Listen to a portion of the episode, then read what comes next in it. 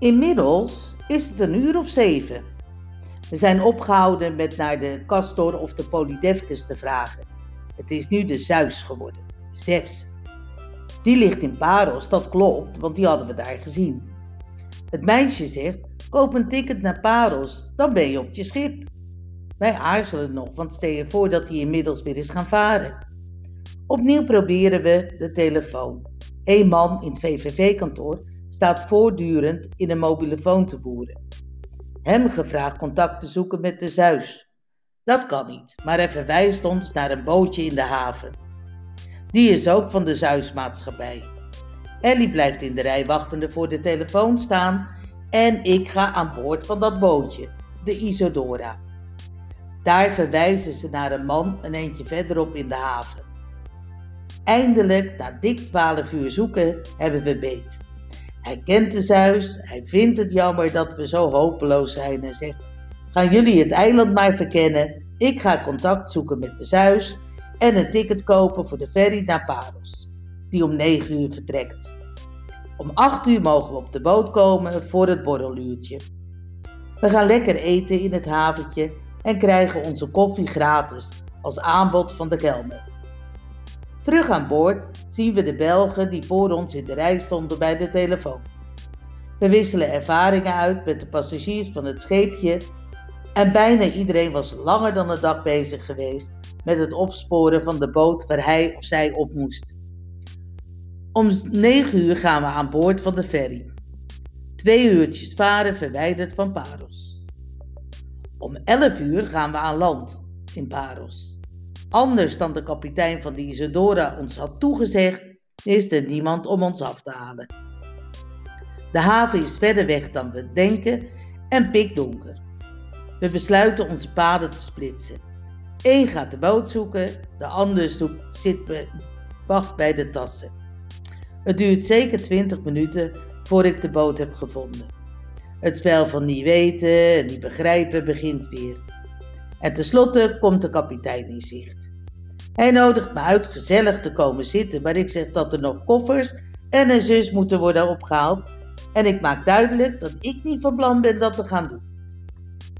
Uiteindelijk komen er toch twee bemanningsleden die voor mij uitrennen en ik volg een stuk terug. We laden alles op, ze dragen de tassen en halverwege de terugloop begint een stom mens tegen ons te praten. Dat is Effie, de hostess. Aan boord brengt ze ons bij de hut. Nou, hut. Het is een hokje van 1,80 meter bij 1,80 meter.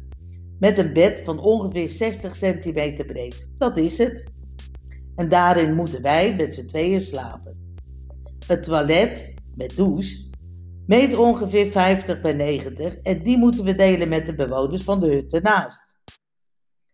We kijken of er nog een bar open is en bestellen een oezo. Nog net op tijd, want de bar gaat bijna dicht, evenals het licht. We kregen ook nog een oezo van een ober uit Uruguay of zo. Om het gezellig te maken nemen we de oezo mee naar boven op het dek. Het zit er vol met bemanning. Na twee minuten horen we een plof en doink en is de hele bemanning slaags met elkaar op de brug. Telkens vliegt er eentje uit de brug vandaan om een beetje bloed uit te spugen of een tand. Het is donker en je hoort haast niets op de doffe dreunen na. Het is net een oude zwart-wit film met Humphrey Bogart. We besluiten maar naar onze hut te gaan en te proberen in dat bedje te slapen. Dat lukt niet al te best. Het is, het is zo waarin, want we moesten op commando omdraaien. Anders gaat het niet.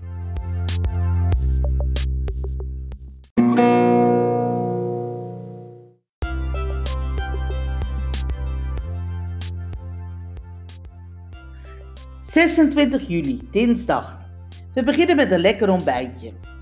Er is van alles, van spek tot toast tot eieren en thee tot het je oren uitkomt. Inmiddels ligt de Isadora naast ons en we zwaaien de Belgen toe vanaf ons luxe jacht.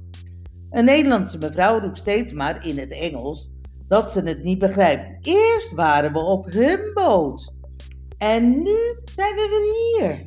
weet zij veel. Wij denken, maar very good. In Parakiri, of is het Haragiri, blijft de boot due to heavy weather conditions liggen. We gaan richting rechts in de haven en lopen tot het voorlaatste café naast de Irish Bar.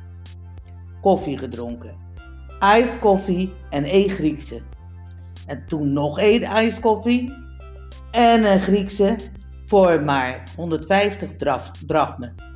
Terug naar de boot gewandeld en van badpakken voorzien richting strandje, links van de haven. Daar zouden we gaan eten en een heerlijk Grieks laadje en wat later legden wij ons op het parkeerterrein in de schaduw neer. Een zalig diner, een Grieks laadje, een soort sperziebonen die er anders uitzien, anders smaken en harde stelen hebben, gesmoord in een tomatensaus. En met een gevulde gehaktbal toe kregen we echte, echte Del Monte fruitsalade uit blik. S'avonds zaten we bij de haven op een terrasje, dronken oezo met hapjes en dronken ergens anders nog eentje met de Belgische kolonie van ons zusterschip. Ze moesten erg lachen om onze avonturen en gezamenlijk gingen we terug naar het schip.